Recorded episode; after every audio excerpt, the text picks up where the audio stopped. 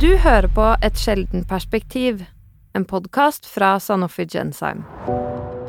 Se for deg at du akkurat har født et barn, men at det barnet du holder i armene, har en så sjelden tilstand at legene ikke har svar på spørsmålene dine. I 1995 var dette realiteten for Marit Andersen, da hun som 23-åring fikk en datter med VCFS. Et syndrom som på dette tidspunktet var så godt som ukjent i Norge. For pasienter og pårørende i sjeldenfeltet kan jakten på en diagnose oppleves som en betydelig belastning i hverdagen. Og selv med en satt diagnose kan det være sånn at man blir nødt til å bane store deler av veien til behandling sjøl.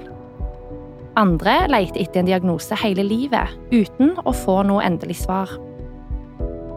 Vi er heldige som har mange eksperter på dette feltet i dag. Og vi har kommet langt på forskningsfronten de siste årene.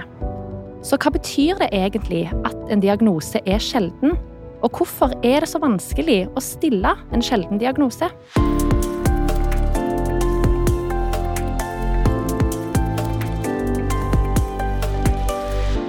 I denne episoden av Et sjeldent perspektiv har jeg, Karoline Enoksen, med meg pårørende Marit Andersen, lege og spesialist i barnesykdommer Ellen Annekstad, og Rebekka Tvedt Skarberg, som jobber ved Nasjonal kompetansetjeneste for sjeldne diagnoser.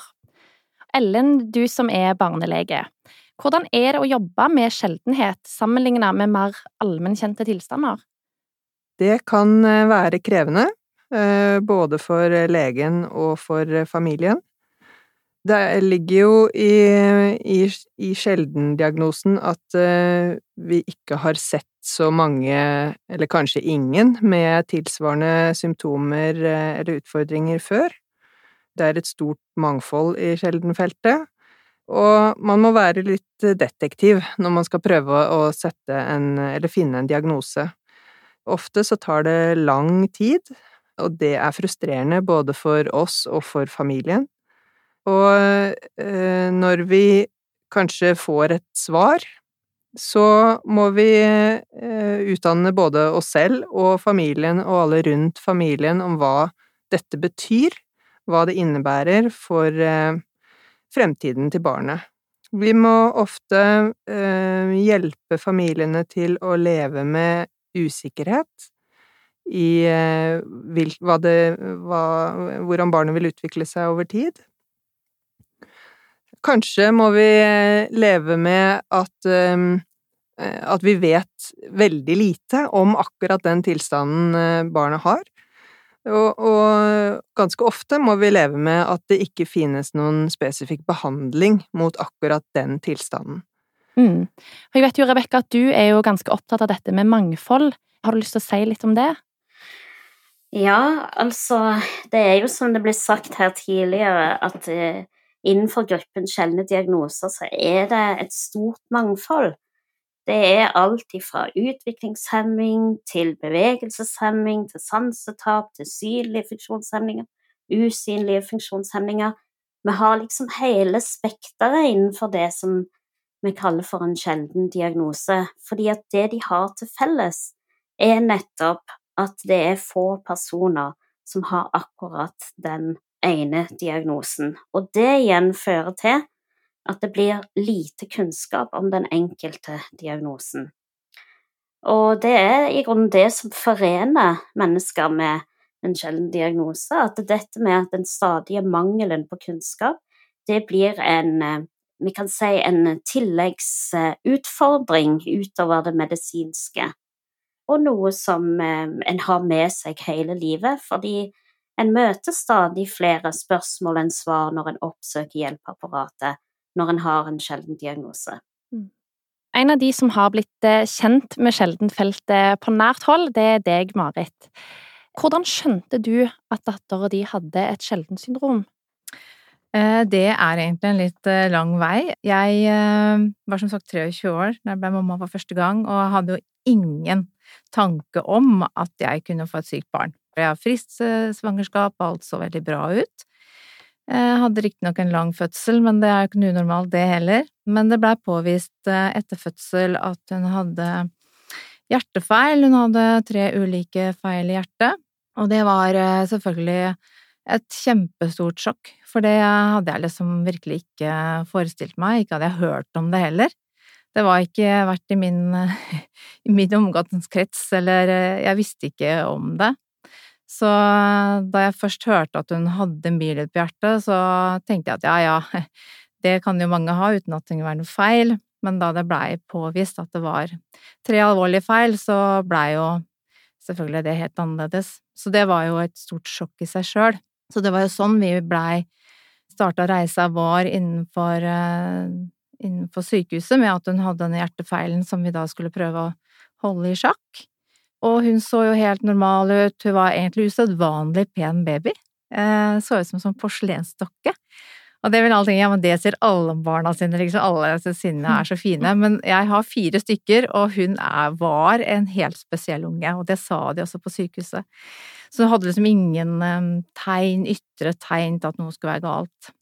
Så når vi blei sendt hjem fra, fra um, barneavdelingen og liksom konkludert med at vi skulle komme tilbake til en sånn noenlunde grei hverdag, og selvfølgelig masse oppfølging med veiing hit og dit, og en baby som ikke ville ta til seg mat, ikke ville amme, og jeg med brystbetennelser i alle retninger, eh, så var det veldig, veldig strevsomt. Og legene skjønte heller ikke helt hvorfor hun strevde så hardt som det hun gjorde i forhold til eh, de hjertefeilene hun hadde, så tenkte kanskje det skulle gå greiere enn hva det gjorde. Eh, tre måneder gammel så fikk hun hjertesvikt, som vi ikke klarte å få kontroll på. Og da var hun så svak at vi heller ikke kunne få operere henne, så det gikk jo eh, en, noen måneder da for å holde henne stabil. Og da hun var ni måneder, så blei hun endelig operert, for da var hun faktisk så dårlig. Hun veide tre og en halv kilo når hun ble født, og når hun var ni måneder, så veide hun fem og en halv, så hun hadde jo bare gått opp to og en halv kilo liksom på, på de månedene. Det var veldig, veldig strevsomt, og vi bodde jo mer eller mindre på sykehuset. Veldig mye syk, masse infeksjoner. Og jeg eh, hadde en følelse at det var ikke bare en hjertefeil, det måtte være noe mer.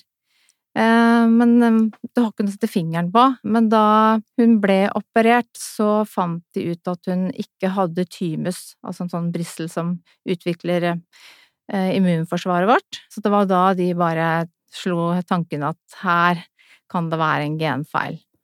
Hvor gammel var hun da hun fikk diagnosen, da? Mm, jeg tenker hun ble operert når hun var ni, og da var hun elleve måneder, tenker jeg. Ja. Da fikk ja, ti-elleve måneder. Det tok ganske lang tid før vi fikk det svaret. Og det var eh, både godt og vondt. Eh, det var godt fordi det eh, ga meg svar på hvorfor Og det ga svar på hvorfor hun hadde vært som hun hadde vært, og hadde de plagene hun hadde. Og det ga svar på den morsfølelsen, den magefølelsen som foreldre ofte har, da, at her er det noe mer, fordi vi, vi går med en sånn, og den er ofte riktig. Så det ga meg svar, men det ga meg også en stor usikkerhet på framtida, fordi jeg ikke kunne få noe svar på hva hadde jeg nå i vente. Og i og med at hun også mankerte denne tymusen, så var de jo veldig bekymra fordi immunforsvaret var svekka, da. En ting er alt det medisinske, men en annen ting er på en måte hvilke forutsetninger har hun fremover i framtida? Eh, hvordan vil hun utvikle seg? Eh, barnehage, skole, venner, du får så mange, men det var det ingen som kunne svare på da, da. Så det var kanskje den, det er den uvissheten å ikke vite, og når ikke de heller visste, og ikke vi hadde noen å se fram mot, eller at vi visste om noen andre, eller hadde sett noen andre, eller hørt om andre, så hadde vi jo ingenting. Så jeg tenkte at eh, Eh, ja ja, men da, da, altså da må man jo bare begynne å leite andre steder enn Norge, da. Mm. Så det var jo det jeg gjorde. Mm. Jeg tenker Nå får vi jo det beskrevet veldig, veldig tydelig, på en måte fra ditt pårørendeperspektiv. Men så tenker jeg litt eh, Ellen, som helsepersonell, da. Hvor starter man når man er på leit etter en sånn diagnose? Eh, jeg tenker at det aller eh, viktigste vi kan gjøre, og nå snakker jeg fra mitt utgangspunkt som barnelege, da, eh, er å, å få en så detaljert og god oversikt som mulig over alt fra svangerskap gjennom fødsel og barnets tidlige tid, og der er det kjempeviktig å lytte til foreldrene. Å lytte til foreldrenes bekymringer, Eh, noen ganger så har de vært på, eller ofte, vil jeg si, har de vært på helsestasjon og, og, fått beskjed om at dette går seg til, men så er det den magefølelsen som Mari snakker om, som, som vi må uh, lytte til. Um, og så blir det jo å, å, prøve å se passer noe av dette her med uh, kjente ting, eller ting jeg har sett før? Passer noe av dette med med de vanlige diagnosene, ting som eh, mange barn går gjennom, eller er det noe som på en måte ikke helt stemmer her, og da må man være detektiv og bruke internasjonale databaser, bruke kollegaer, be om råd fra andre som jobber med de samme tingene, og som kanskje har sett andre ting enn det jeg har. Snakke med, med, fysioterapeut, kanskje snakke med barnehagen, trekke inn andre instanser som kan komme med noen sånne små drypp og clues til hva dette her er for noe. Og så er det jo heldigvis sånn nå at eh, utredningen av genfeil er kommet betydelig lenger enn det det var den gangen, sånn at eh, veien til å ta en en, eh, en genprøve er mye kortere og kommer mye høyere opp på listen over ting vi gjør da, i utredningen, og, og vi heldigvis også får svar på tidligere. Generelt så blir det mye prøver, mange undersøkelser, og noen ganger så må vi også bruke lang tid på å se hvordan barnet utvikler seg. Er dette her noe som blir verre og verre, eller er dette her noe som jenker seg? Er det noen ansiktstrekk eller ting ved kroppen som som blir tydeligere etter hvert, eh, og, og, ofte tar barnet inn til mange kontroller da, over lang tid før man får et endelig svar. Det er en veldig krevende situasjon for en familie å være i, og en, eh, en krevende situasjon også for helsepersonell, for vi er jo liksom opplært til at vi gjerne vil gi et uh, kjapt og greit svar med en gang, og fortelle 'dette feiler barnet ditt, sånn skal vi gjøre med det, og dette kommer til å gå sånn'. Men det er det ikke alltid vi kan. Nei. Altså, du beskriver jo en prosess med veldig mange elementer, og det er, liksom, det er tid, det er testing, det er leiting. Altså, jeg bare tenker på, Rebekka, eh, hva tenker du, hvorfor er det så vanskelig å stille en sjelden diagnose?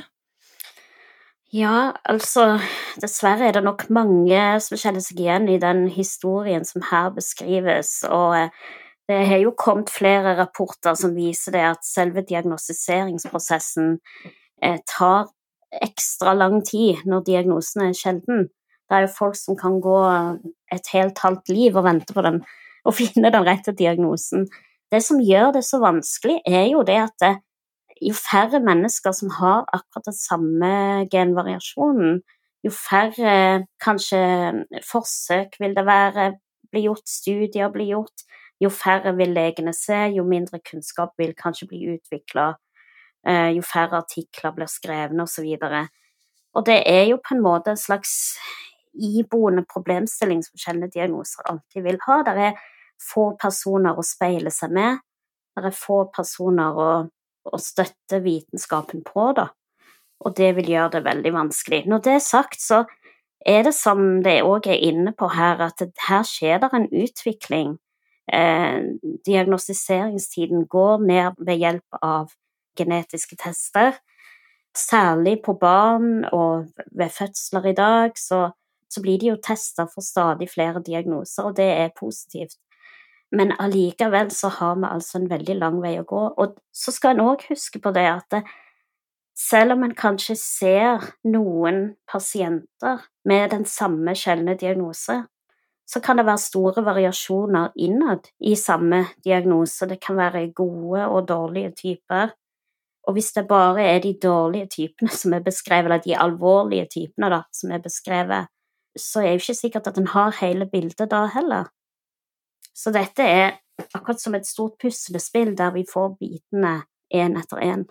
Hva tenker du, Ellen, fra ditt perspektiv? Nei, jeg tenker at det Rebekka sier her er, er veldig riktig. Det, når vi har med oss at det er eh, mange tusen ulike sjeldne diagnoser, og to mennesker med samme diagnose kan ha helt ulik utvikling, så sier det seg selv at det er veldig krevende å kunne si så mye om fremtiden. Og, og jeg vet om mange som har fått feil diagnose, og så blir kanskje eh, diagnosen revurdert eh, etter hvert som barnet vokser til. Men eh, det jeg tenker er viktig å ha med seg da, er at uh, i de tilfellene hvor vi ikke finner riktig diagnose med en gang, så er det Det er jo hvordan barnet fungerer, hva barnet kan, hva barnet trenger hjelp til, som skal legge grunnlaget for hvordan vi hjelper barnet og familien. Altså, det er vanskene vi skal behandle, og ikke gensvaret, eller selve diagnosen, da. Og den jobben, den begynner vi med så fort vi ser at her er det et barn som ikke utvikler seg akkurat sånn som alle andre. Og så går heldigvis verden fremover, da. For eksempel eh, denne tilstanden til datteren til Marit, den, den blir Alle barn med medfødt hjertefeil blir i dag testet for den tilstanden. Så verden går framover. Mm. mm. Ja, for apropos det, sant, eh, Marit dattera di mm. var jo en av de første i Norge som ble diagnostisert med, med såkalt VCFS, eh, velokardiofasialt syndrom. Og jeg bare lurer på, når du da satt med den diagnosen, hvordan navigerte du videre derfra? Da fikk vi jo veiledning på genetisk eh, på Ullevål, en genetiker som gikk gjennom dette med oss, og det ga jo også mye informasjon. Og det, det selvfølgelig er veldig godt å få Eh, denne grunnleggende informasjonen om hva er det som har skjedd. For det, når du også får et sykt barn, både med hjertefeil eller hva det måtte være, så blir det også ikke bare at man får det, men du blir litt selvransakende og tenker hva har jeg gjort feil? Hva er det jeg har gjort feil i dette svangerskapet som har forårsaka at barnet mitt er blitt sykt? Det var det første som slo meg.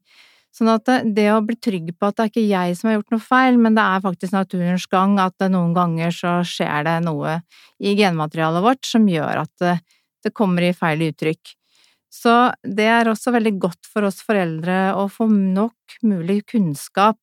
Jeg er ikke opptatt av diagnosen, eller det har jeg ikke vært heller, for det er bare et verktøy inn i et system for at du skal få den hjelpa du skal ha, for Stine er Stine uansett med eller uten diagnose, og med sine utfordringer.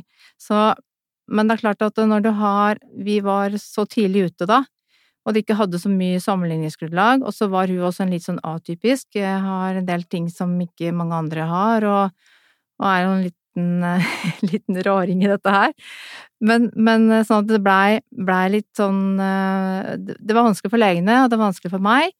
Det har vært en tung og lang vei, og det har gjort at jeg har måttet tilsidesatt uh, mitt eget liv, så i både jobbsammenheng og mye annet, for å for å skape det livet jeg mener hun eh, Eller det hun faktisk fortjener, da, ut ifra det optimale eh, som hun kan få til. Mm. mm.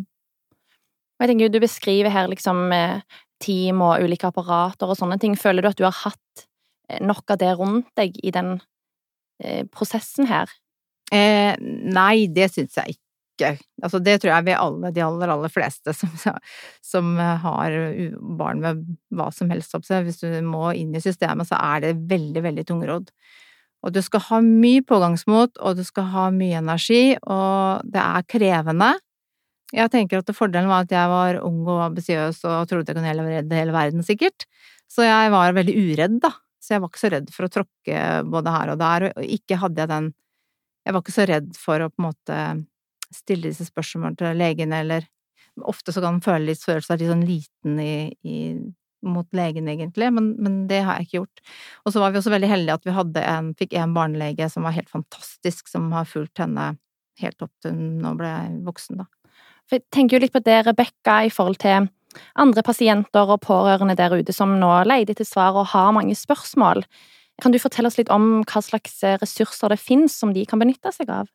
Ja, altså eh, I eh, kompetansetjenesten så prøver vi å bygge opp en del diagnosespesifikk kunnskap eh, ute på de ni sentrene som er inn under kompetansetjenesten. Og de, de har vi jo samla på nett på Helse Norge, så folk kan gå inn der og så søke på diagnosen sin, og så bli lenka videre til det kompetansesenteret som har utarbeida noe informasjon om diagnosen. I tillegg så har vi bygd opp en, eh, en læringsportal der vi har samla en del læringsressurser, først og fremst eh, mynta på fagpersoner, men den ligger åpen òg for pårørende og personer med diagnose sjøl. Eh, og der er det både diagnosespesifikk kunnskap, men også tema som går på tvers av flere diagnoser, som for eksempel skolestart, barnehagestart, søke jobb, komme seg ut av jobb, osv. I tillegg så har vi jo Sjeldentelefonen, som er en gratis telefontjeneste. Der tar vi imot telefoner fra folk eh, hver dag som har litt sånn samme type spørsmål som her stilles. Hvor kan jeg finne mer informasjon om den og den diagnosen, eller jeg, finner, jeg kommer ikke fram til hvilken diagnose jeg har, eller vi får leger som ringer oss og spør, og, så det er absolutt å anbefale. Men når det er sagt, så er det det er òg som det blir påpekt her, at det, det, er viktig å få en diagnose, ja, men du er ikke i mål bare med det diagnosenavnet. Diagnosenavnet er ingen magisk nøkkel til tiltak og, og til at hjelpeapparatet står parat, dessverre.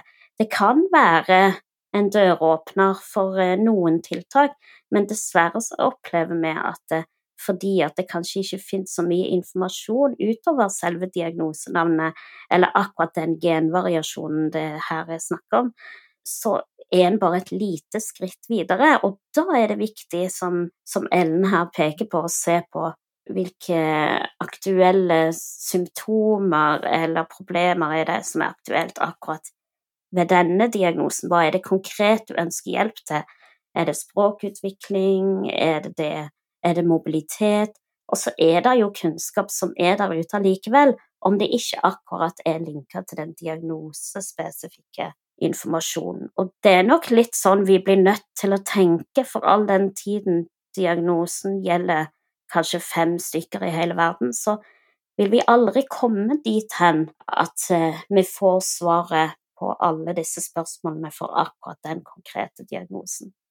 Nå tenker jo jeg, Ellen, at vi er jo innom veldig mange sånn åpenbare utfordringer eh, her, og da får jeg jo veldig lyst til å spørre, eh, er du positiv eh, på vegne av utviklingen i dette feltet?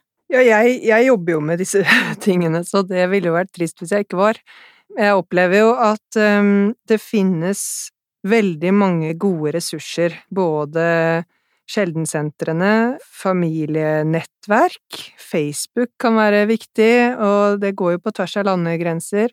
Det er mye lettere å orientere seg og finne mm, folk med tilsvarende diagnoser nå med de, eh, de ressursene vi har på internett.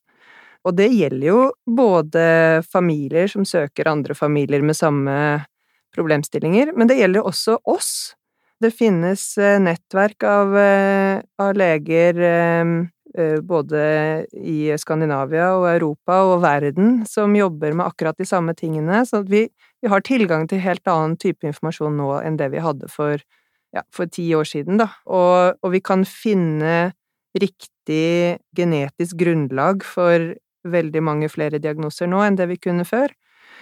Men det man står tilbake med, er at det hjelper ikke så mye om vi vet akkurat hvor på genmaterialet denne forandringen sitter, eller at det fins eh, en i USA som har samme diagnose. Det barnet trenger, og familien trenger, det vil være individuelt for hvert enkelt barn og hver enkelt familie. Sånn at, eh, som Rebekka sier, diagnosen er ikke noen magisk eh, nøkkel. Vi må tilpasse tiltakene til hva hvert enkelt barn trenger, og der opplever jeg at både lovverket og kunnskapen rundt omkring lokalt er blitt eh, mye bedre etter hvert. Og vi står klare med mye mer læringsressurser overfor de lokale kreftene enn det vi gjorde for 10-15-20 år siden. Mm. Så ja, jeg er optimist. Og det, hvis jeg kan få legge til det, er jeg òg, altså. Absolutt. Hvis jeg, hvis jeg virka negativ i stad, så var det ikke min intensjon er òg veldig positiv med framover, spesielt med tanke på internasjonale nettverk. Mm. For det har virkelig eh, kommet, er up and coming når det gjelder sjeldne diagnoser, og det blir satsa mye ressurser på det. Og det er ikke bare legenettverk, det er òg mer tverrfaglige nettverk som setter sammen den lille informasjonen hvert land har, og til sammen så klarer vi faktisk å kanskje opprette registre, lage guidelines, lage anbefalinger. Dette er veldig viktig arbeid, og det er helt topp. Og så blir jeg òg nysgjerrig, Marit, når vi liksom først har deg her, fordi jeg lurer jo veldig på hvordan Stine har det i dag. Stine hun eh, er nå 25 og har det utrolig bra. Eh, det har jo vært det har jo vært litt av en reise, og, det er akkurat det som du forteller, Elno, at det der at du må se potensialet uavhengig av diagnose eller hva du har, det er jo det potensialet det barnet har, så man må se, hvilke utfordringer det har. Som for vår del så satte Jeg har aldri hengt meg opp i at eh, hun skal være et A4-menneske som skal følge Simen. Vi har plukka ut de ressursene hun har, og virkelig forstyrka disse ressursene hun har, og, og bli selvstendig og bygge på, på, på livsglede og mestring og, og, klare seg i det daglige, da. Men hun har et fantastisk liv og har eh, hun har liksom hatt et veldig sånn rikt eh, et, rikt voksentliv fram til nå. Og elsker å gå på jobb og har det, har det veldig fint, altså. Kjæreste har hun og Så det er veldig stas, da. Ja. ja. Mm. Det er jeg veldig glad for å høre. Og så tror jeg det er så viktig å tenke på definisjonen på hva er et godt uh, liv. Fordi eh, det jeg tenker, som jeg har lært uh, på denne veien med Stine, fordi jeg har ganske store alt det hun kunne få til å klare og skulle liksom eh, Du jakter og du vil gjerne få til så mye på barnas vegne. Men hva var det Stine ville? Ja. Hvordan var det hennes liv ville se ut? Hva er det mm. hun ønsker? Mm. For det mm. sto ikke i tråd med hva jeg tenkte hun ønsket. Nettopp. Så det er mm. nettopp og det der å speile hva er det barnet egentlig ønsker, kanskje er de veldig fornøyd med sånn som de har det. Mm. Du brukte ordet i sted, du brukte ordet eh, potensial i stedet for eh, liksom det mer negativt lada utfordringer og vansker. Å ta fatt i, i den enkelte personens potensial og hvordan man kan styrke og utvikle de, framfor å hele tiden fokusere på utfordringer og vansker. Og det tenker jeg er superviktig, eh, at personen selv får definere hva som er livskvalitet, og at de får hjelp til å utvikle sine potensialer. Det krever jo at rammeverket rundt ligger eh, til rette for, eller, ja, legger til rette for det, og at, at, systemene fungerer sånn som de skal. Og det er vår jobb, å, å hjelpe til med det. Mm. Mm. Tusen takk. Takk for at dere var her i dag, Marit, Ellen og Rebekka. Sjeldentelefonen til NKSD er en gratistjeneste åpen for privat- og fagpersoner som har spørsmål om sjeldne diagnoser. Telefonen er åpen hver ukedag mellom åtte og halv fire, og du kan nå den på nummer 800 41 710. For mer informasjon om sjeldne sykdommer kan du òg besøke Sanofi Gensheim sin nettside sjeldne-sykdommer.no. Takk for at du hørte på denne episoden av Et sjeldent perspektiv, en podkast fra Sanofi Gensheim.